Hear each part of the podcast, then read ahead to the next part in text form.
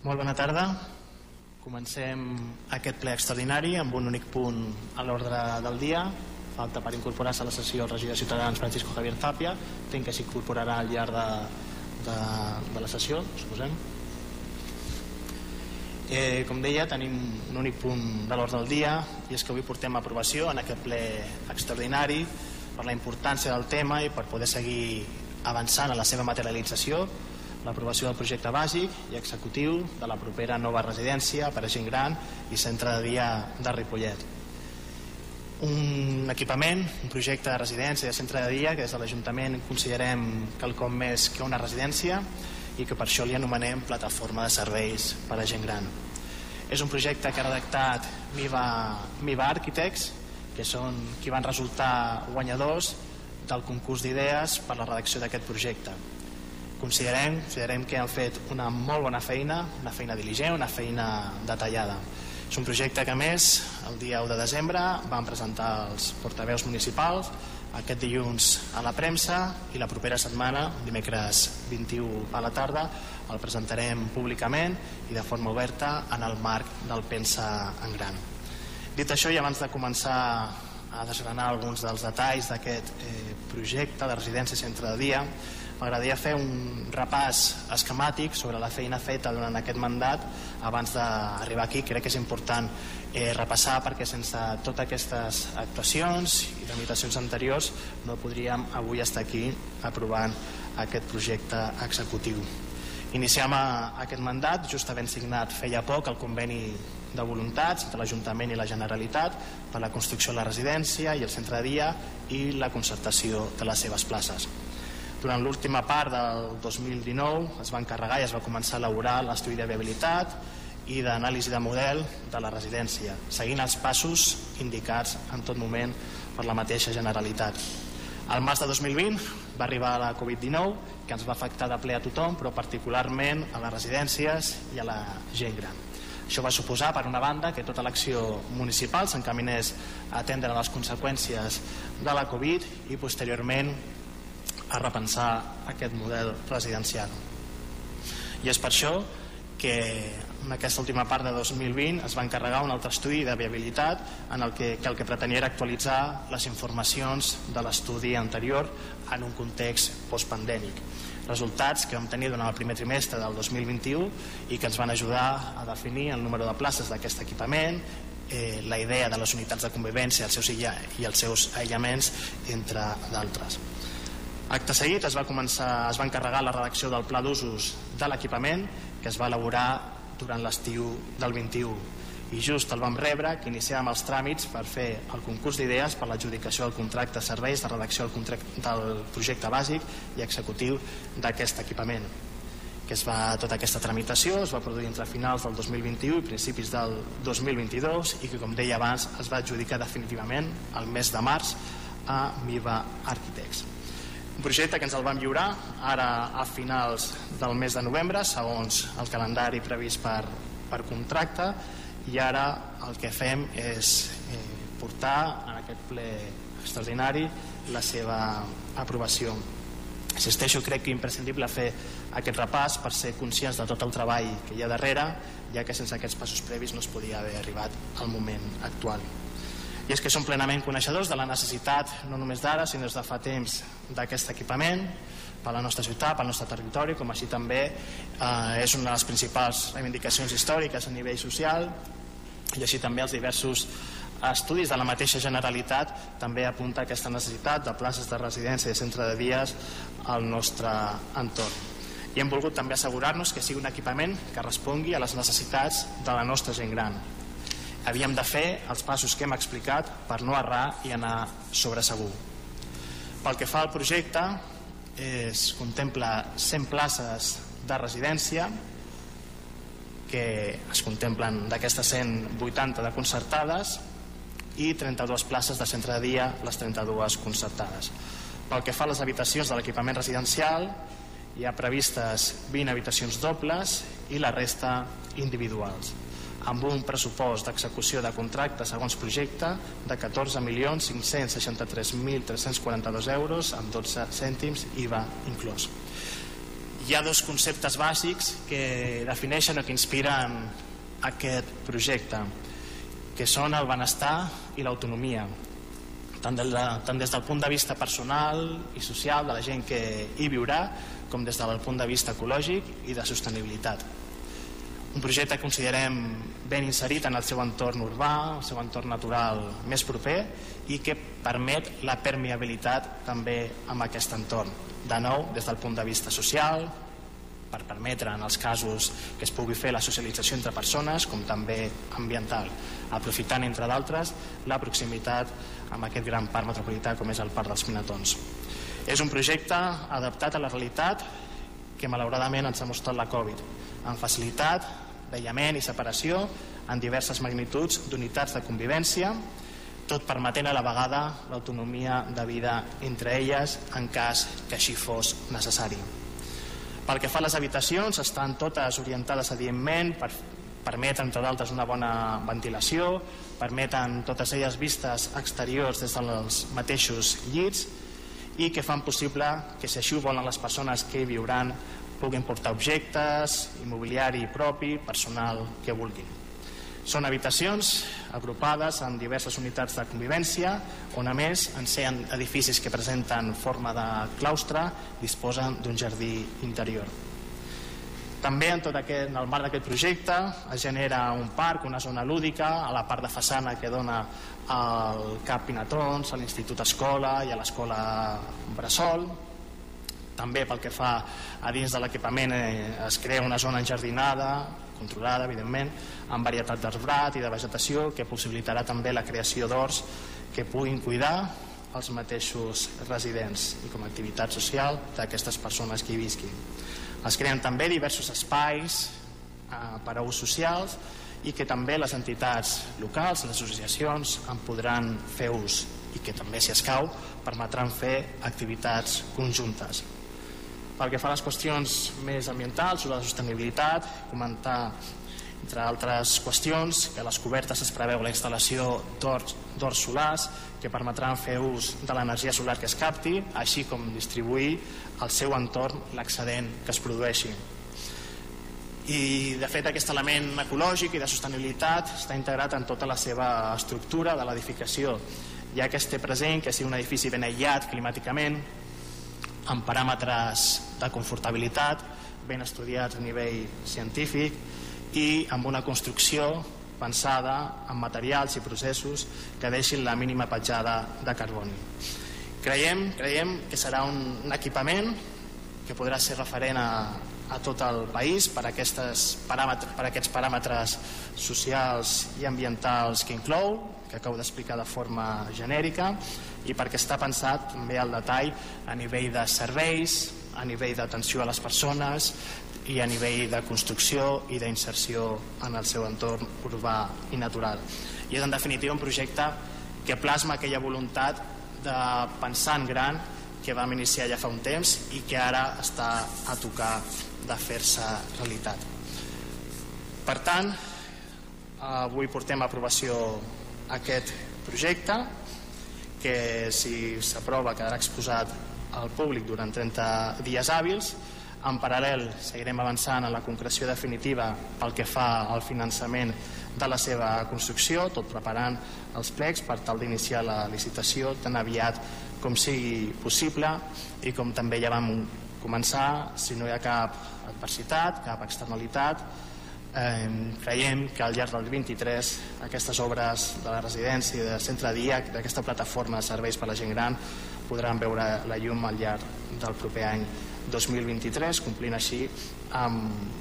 la principal reivindicació d'aquest equipament a nivell municipal de fa molts anys. Estem en definitiva molt satisfets per aquest projecte que presentem d'alta qualitat, digne per a la nostra gent gran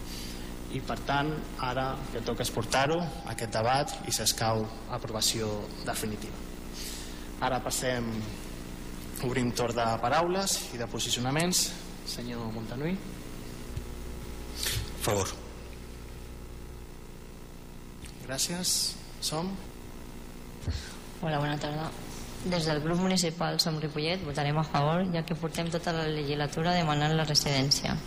Però sembla que tot ha estat oportunisme fer un ple extraordinari per donar tota la exclusivitat i difusió a la residència quan heu estat 8 anys perdent el temps i gastant diners en estudis i més estudis. I ara sembla que ho voleu reutilitzar per recaptar els vots de la gent gran, sobretot de la gent, de la gent gran del poble. Gràcies.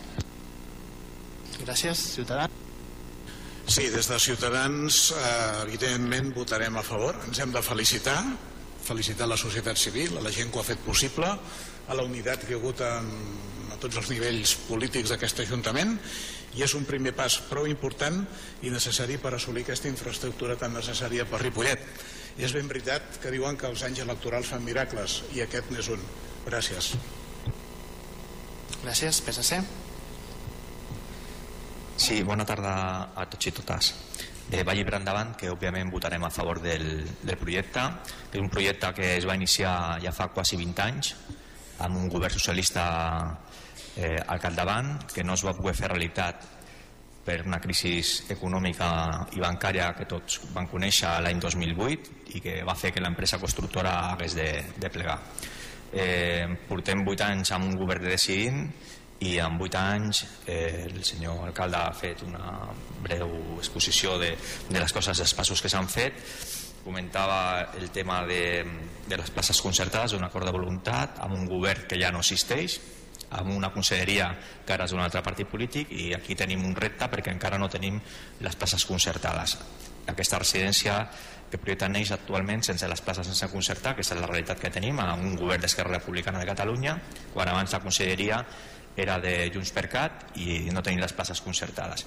No obstant, bé, ciutats veïnes a nosaltres com són Sabadell i Terrassa amb projectes molt més nous que el nostre, que porta quasi 20 anys, sí que han aconseguit la concertació d'aquestes places. Aquí també es demostra una mica la força que pot fer alguns governs i la força que pot fer l'Ajuntament de Ripollet, en aquest cas la Generalitat que ha sigut bastant, bastant baixa. Vostè comentava un tema sobre l'estudi de necessitats que es va refer. Nosaltres ja vam estar en contra d'aquell estudi, aquell estudi que va fer tot Consulting, perquè s'havia de mirar les residències com quedarien després de la pandèmia. Òbviament aquell estudi no calia que el fes l'Ajuntament de Ripollet i vostè ha referit que gràcies a aquell estudi s'ha citat que la residència havia de ser 100 places quan això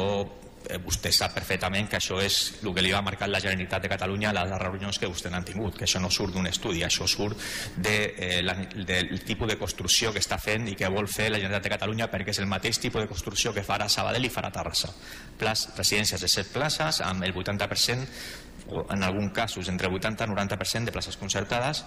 i, i són el tipus de construcció que està fent. O sigui que això no surt d'un estudi, aquest estudi. Vostès el van fer, ja li vaig dir que aquell estudi servia per Montcada, servia per Sabadell, servia per Terrassa i no era eh, susceptible de que el pagués l'Ajuntament de Ripollet quan l'hauria de pagar l'administració pública. Eh, sense queda i haig de dir, se'ns queda petita el, petit el tema del centre de dia. Ripollet té aproximadament, segons les informacions que tenim, més de 150 persones ara mateix en llista d'espera de centre de dia. Ja li avanço que nosaltres farem una al·legació al projecte, farem una al·legació, i ho dic públicament avui, eh, en els propers dies farem una al·legació al projecte perquè eh, demanarem que el centre de dia sigui el doble de gran del que es preveu, que sigui un centre de dia de 64 places perquè Ripollet es mereix un centre de dia el doble de gran del que està previst en aquest projecte. Aquí l'Ajuntament, el govern decidint Ripollet torna a ser poc ambiciós i haurien d'haver demanat un centre de dia de 64 places, el doble de gran del que tenim, perquè tenim 150 persones, torno a repetir, aproximadament, segons les informacions que tenim, en llista d'espera actualment amb el centre de dia de Can Vargas. I, i és el que ens va dir també la senyora Marta Gili, la, la coordinadora de l'àrea, quan li vaig comentar a la reunió que vostè ha referit per tant, aquí nosaltres sí que farem una al·legació al projecte, però no obstant, eh, vam assistir a la presentació que va fer el bufet d'arquitectes del MIB Architects i, la, i el projecte és, és, està bé, eh, està mediambientalment correcte, tal com ha dit, quedarà ben integrat dintre de Pinetons, o sigui, és un bon projecte, però el tema del centre de dia creiem que s'hauria d'haver repensat i fer-lo el doble de gran del que farem. Per tant, en aquest sentit, nosaltres sí que presentarem una al·legació com a PSC perquè, perquè ho puguin valorar, ho puguin valorar amb, amb, el, amb els arquitectes, eh, aviam si, si es pot fer realitat que sigui una mica més gran del que està previst per, per poder donar sortida a totes aquestes persones grans amb, amb, amb, amb una discapacitat amb, amb una dependència que tenim a Ripollet, que són més de 150 persones, i no amb un centre de dia de 32, que ens quedarà petit, sinó amb un centre de dia de 64 places, que pensem que seria més adient per les necessitats reals que tenim avui mateix a Ripollet. Gràcies. Molt bé. Jo sobretot em quedo amb aquests vots eh, favorables per a aquest pas que avui fem, tan important per la nostra ciutat. Insisteixo, jo per això he desgranat totes les tramitacions prèvies que s'han fet perquè són imprescindibles. Aquí potser hi haurà gent que intentarà confondre la població que des de fa temps, des d'un moment, primer moment ja es podia haver fet i encarregat un projecte executiu sense fet, haver fet tota aquesta feina prèvia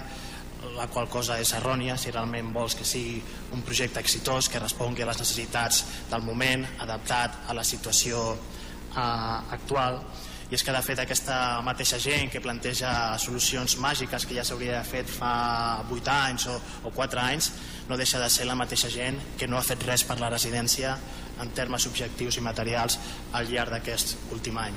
aquest, aquests últims mandats. En canvi des d'aquest govern municipal el que plantegem i el que plasmem són aquestes actuacions clares fetes amb, un, amb aquest objectiu també diàfan com és poder tenir aquest projecte de, de residència. Jo no entraré en el que fan d'altres municipis. A la Terrassa que sí aconsegueixen coses eh, endavant. Igualment aquí també hi ha molt a dir del paper galdós que en el seu moment va tenir la, la Generalitat en aquestes qüestions i que molts altres ajuntaments de tots colors polítics del país així van transmetre també a la mateixa exconsellera ara la, la, la Violant la Violant Cervera. I entre d'altres jo crec que aquell mateix anunci i evidentment això ja és una opinió personal però basada en fets objectius jo crec que aquell anunci sí que van ser focs d'artifici perquè realment el mateix departament actualment tampoc tenen gaire idea en quin moment està aquesta situació de projecte residència de Sabadell i allò sí que va ser focs d'artifici. En canvi nosaltres el que avui presentem és un, una feina rigorosa feta al llarg de molts anys, amb molta gent i amb molta professionalitat. Eh, evidentment, eh, al centre totes aquestes places no? evidentment a tothom li agradaria tenir més places de residència, tenir més places al centre de dia també sent conscients que, que aquests models d'atenció també estan variant no? i estan cada, bé cada cop més primant en els casos que sí sigui possible l'atenció a, a les llars de les mateixes a, persones. Jo crec que per aquest projecte està ben dimensionat aquesta, aquesta construcció. Evidentment són coses que si, si es necessiten que ara en més futur s'haurà d'anar creixent en les formes que, que, que es caiguin però són unes coses ben dimensionades per, eh, pels objectius que realment són assolibles ara a curt termini. I en tot cas valorarem la, la proposta que, que feu però en tot cas jo deixi'm que, que li digui que això també em sembla ara una ocurrència. Una ocurrència perquè des de fa molt de temps, des de fa aquests 4 anys i des de, al llarg de tots aquests 4 anys el plantejament que sempre hi ha hagut és el d'aquestes 32 places de centre de dia a nosaltres ens fa la sensació que és ara una qüestió que, que vostès ja han pensat ara mateix quan hi ha hagut la possibilitat durant el llarg dels 4 anys de poder-hi de poder pensar, poder-hi debatre, poder-hi aportar. Eh, per això dic que em sembla una ocurrència. No per desmereixer aquesta, aquesta necessitat que, que, hi pot, que hi pot existir però sí que em sembla com una qüestió mm, he de dir alguna cosa al respecte i, i dir que, que hi ha d'haver aquest, aquest, doble, aquest doble de places. Considerem, insisteixo, que està ben dimensionada i que sobretot les condicions d'aquest equipament respon a les necessitats eh, actuals de, de la ciutat de Ripollet i, de, i del seu entorn, però en tot cas de nou obertíssims i disposats a parlar-ne d'això, a atendre les al·legacions que,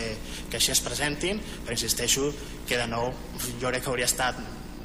molt més facilitador i molt millor pel conjunt de la, de la població eh, poder tenir aquesta aportació eh, prèviament, com així en d'altres ocasions sí que se n'ha fet pel que fa a les qüestions vinculades al, al finançament, que això sí que n'hem parlat en, pública i en privat l'altra qüestió de les places és una qüestió ara que, que neix en, a, en aquest ple extraordinari. En tot cas, jo crec que avui eh, és una amb aquesta eh, aprovació que fem, que la fem efectivament en aquest ple extraordinari per, a, per donar-li la importància que correspon a aquest, a aquest projecte, a aquesta solemnitat que també li, li toca perquè també hi ha molta gent al llarg de molts anys que hi ha estat lluitant també en aquell projecte malauradament fallit de fa 15-20 mm, anys però crec que avui és una magnífica notícia aconseguir aquesta eh, aprovació per unanimitat d'aquest projecte perquè en definitiva jo crec que això sí que malgrat aquestes, aquests matisos que, que podem tenir de diferència que és un, que, que serà, és un equipament molt necessari per la nostra ciutat i sobretot per la nostra gent gran i ara el que ens correspon és acabar de treballar en aquests detalls que queden i sense eh, més dilació iniciar eh, la seva licitació de les obres. Hi ha alguna qüestió que es vulgui comentar? Sí, senyor Tirado, endavant. Sí, molt breument, senyor alcalde. Bueno, vostè fa uns adjectius, eh, bueno, unes afirmacions que jo crec que no són correctes. Vostè diu que però després es, es contradiu en les seves mateixes paraules. Aquí sí que es va treballar antigament. I cap dels regidors del grup socialista hi érem en aquell moment. Però sí que es va fer una feina prèvia no digui que no, que no es va fer res, que, que mai s'ha fet res per la residència, perquè sí que hi havia un projecte i després es va continuar fent feina en la companya Maria Lladó i per poder recuperar aquells terrenys que, que els teníem mig perduts amb l'empresa sense cap cost per l'Ajuntament. O sigui que sí que es va continuar fent una feina inclús després de la no construcció de la residència això és, la, és una realitat. I després que vostè diu una ocurrència bueno, això són opinions i opinions el món està ple jo lo, li accepto com una opinió que vostè té. Nosaltres ho portem treballant aquest tema ja fa molt de temps. De fet li vaig fer una consulta expressa a la directora de l'àrea, la senyora Gili sobre aquest fet, que teníem informació de que hi havia exactament 149 places. Ella em va comentar que no, que inclús eren més de 149 places quan la, la informació que nosaltres teníem era que hi havia 149 places en llista d'espera a Ripollet i resulta ser que són més. Per tant, no és cap ocurrència que Ripollet té aquesta necessitat i jo crec, francament, eh, li dic que és el moment ara perquè probablement tindria molt poc cost més fer aquesta ampliació del centre de dia i els hi pregaria que s'ho prenguessin en sèrio, no com una ocurrència, sinó que almenys s'estudi, que si fem una al·legació és per millorar el projecte, no, no, no, per, no per res, o sigui, no és cap ocurrència, és que hi ha una necessitat real que tenim, almenys que s'ho estudin, que vegin si en lloc de 14 milions i mig això suposa 14 milions 700.000 euros, perquè potser estem parlant de pocs diners i, i, i es pot encabir, no ho sabem, almenys els demanem que, que s'ho mirin perquè pensem que és una realitat que tenim al municipi, no és cap ocurrència. Si tenim 150 persones o més persones en llista d'espera, per què no hem d'intentar tenir un centre de dia més dimensionat amb el doble de recursos del que està previst, que, que probablement el cost de tenir-ho no sigui tan gran. Vostè diu, vostè mateix diu ara a la seva intervenció, no, ja miraré més endavant. No, mirem-ho ara, ja, ja veurem què passarà més endavant. Si ho podem mirar ara i fem la valoració, perquè millor resulta que es, són pocs diners i es pot encabir dintre del projecte. I la Generalitat segurament amb, amb la necessitat que té Ripollet d'aquest servei eh, ens el podria aprovar, igual que esperem que ens aprovi la residència i ens concerti les places. Només això, gràcies. Sí, efectivament necessitat eh, hi ha, com segurament també serien eh, més necessàries mm, que les 100 places de, de residència que hi ha, però evidentment el que s'han de valorar són moltes qüestions vinculades a la, a la dimensió, a la capacitat de fer front, a buscar també